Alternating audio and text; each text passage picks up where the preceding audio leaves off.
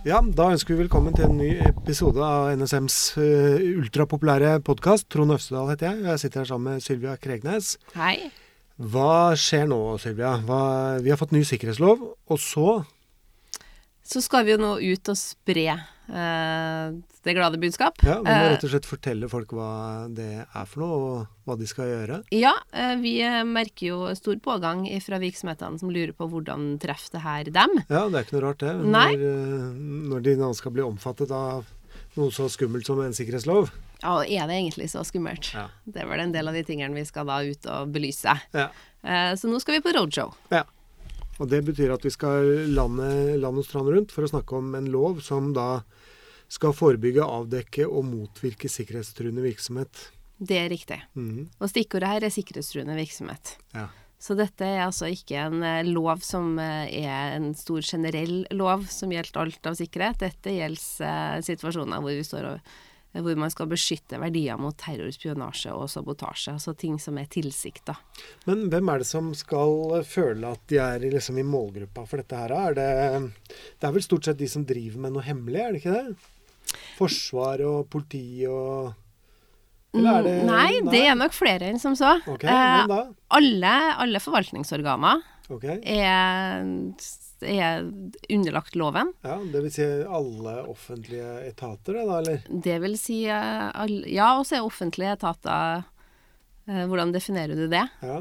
Eh, Det er alt det som Altså, du har statlige, fylkeskommunale, kommunale eh, Alle som er på en måte definert som et forvaltningsorgan, eh, er underlagt loven. Det samme er alle som er leverandører til graderte anskaffelser. Ok. Eh, og så i tillegg så kan departementene fatte vedtak om at det er flere virksomheter som kan uh, underlegges Ja. hvis de behandler gradert informasjon, okay. eller uh, har en avgjørende eller vesentlig betydning for det grunnleggende nasjonale funksjoner. Ja, Så de som skal melde seg på det roadshowet vi skal ha nå, det er da altså folk som til daglig, av og til, befatter seg med noe som er gradert? Ja. Er det andre? Ja, alle som eh, enten er underlagt sikkerhetsloven, Ja. eller som ser at det er mulighet for at de blir underlagt sikkerhetsloven, Mm. eller selvfølgelig så er alle som har et engasjement for sikkerhetsloven, helt uavhengig om du er underlagt eller ikke, hjertelig velkommen. Kan du også fortelle, Sylvia, hvor og når dere er? Vi er i Stavanger 13. mai. Da er vi på Thon hotell Maritim fra klokka 12 til klokka 3. -hmm. Bergen 14. mai. Da er vi på Thon hotell Rosenkrantz eh, fra 12 til 3. -hmm. Trondheim 15. mai. Thon hotell Prinsen til 12 til 3. Og Tromsø 23. mai. Og Thon hotell Polar 12 til 3.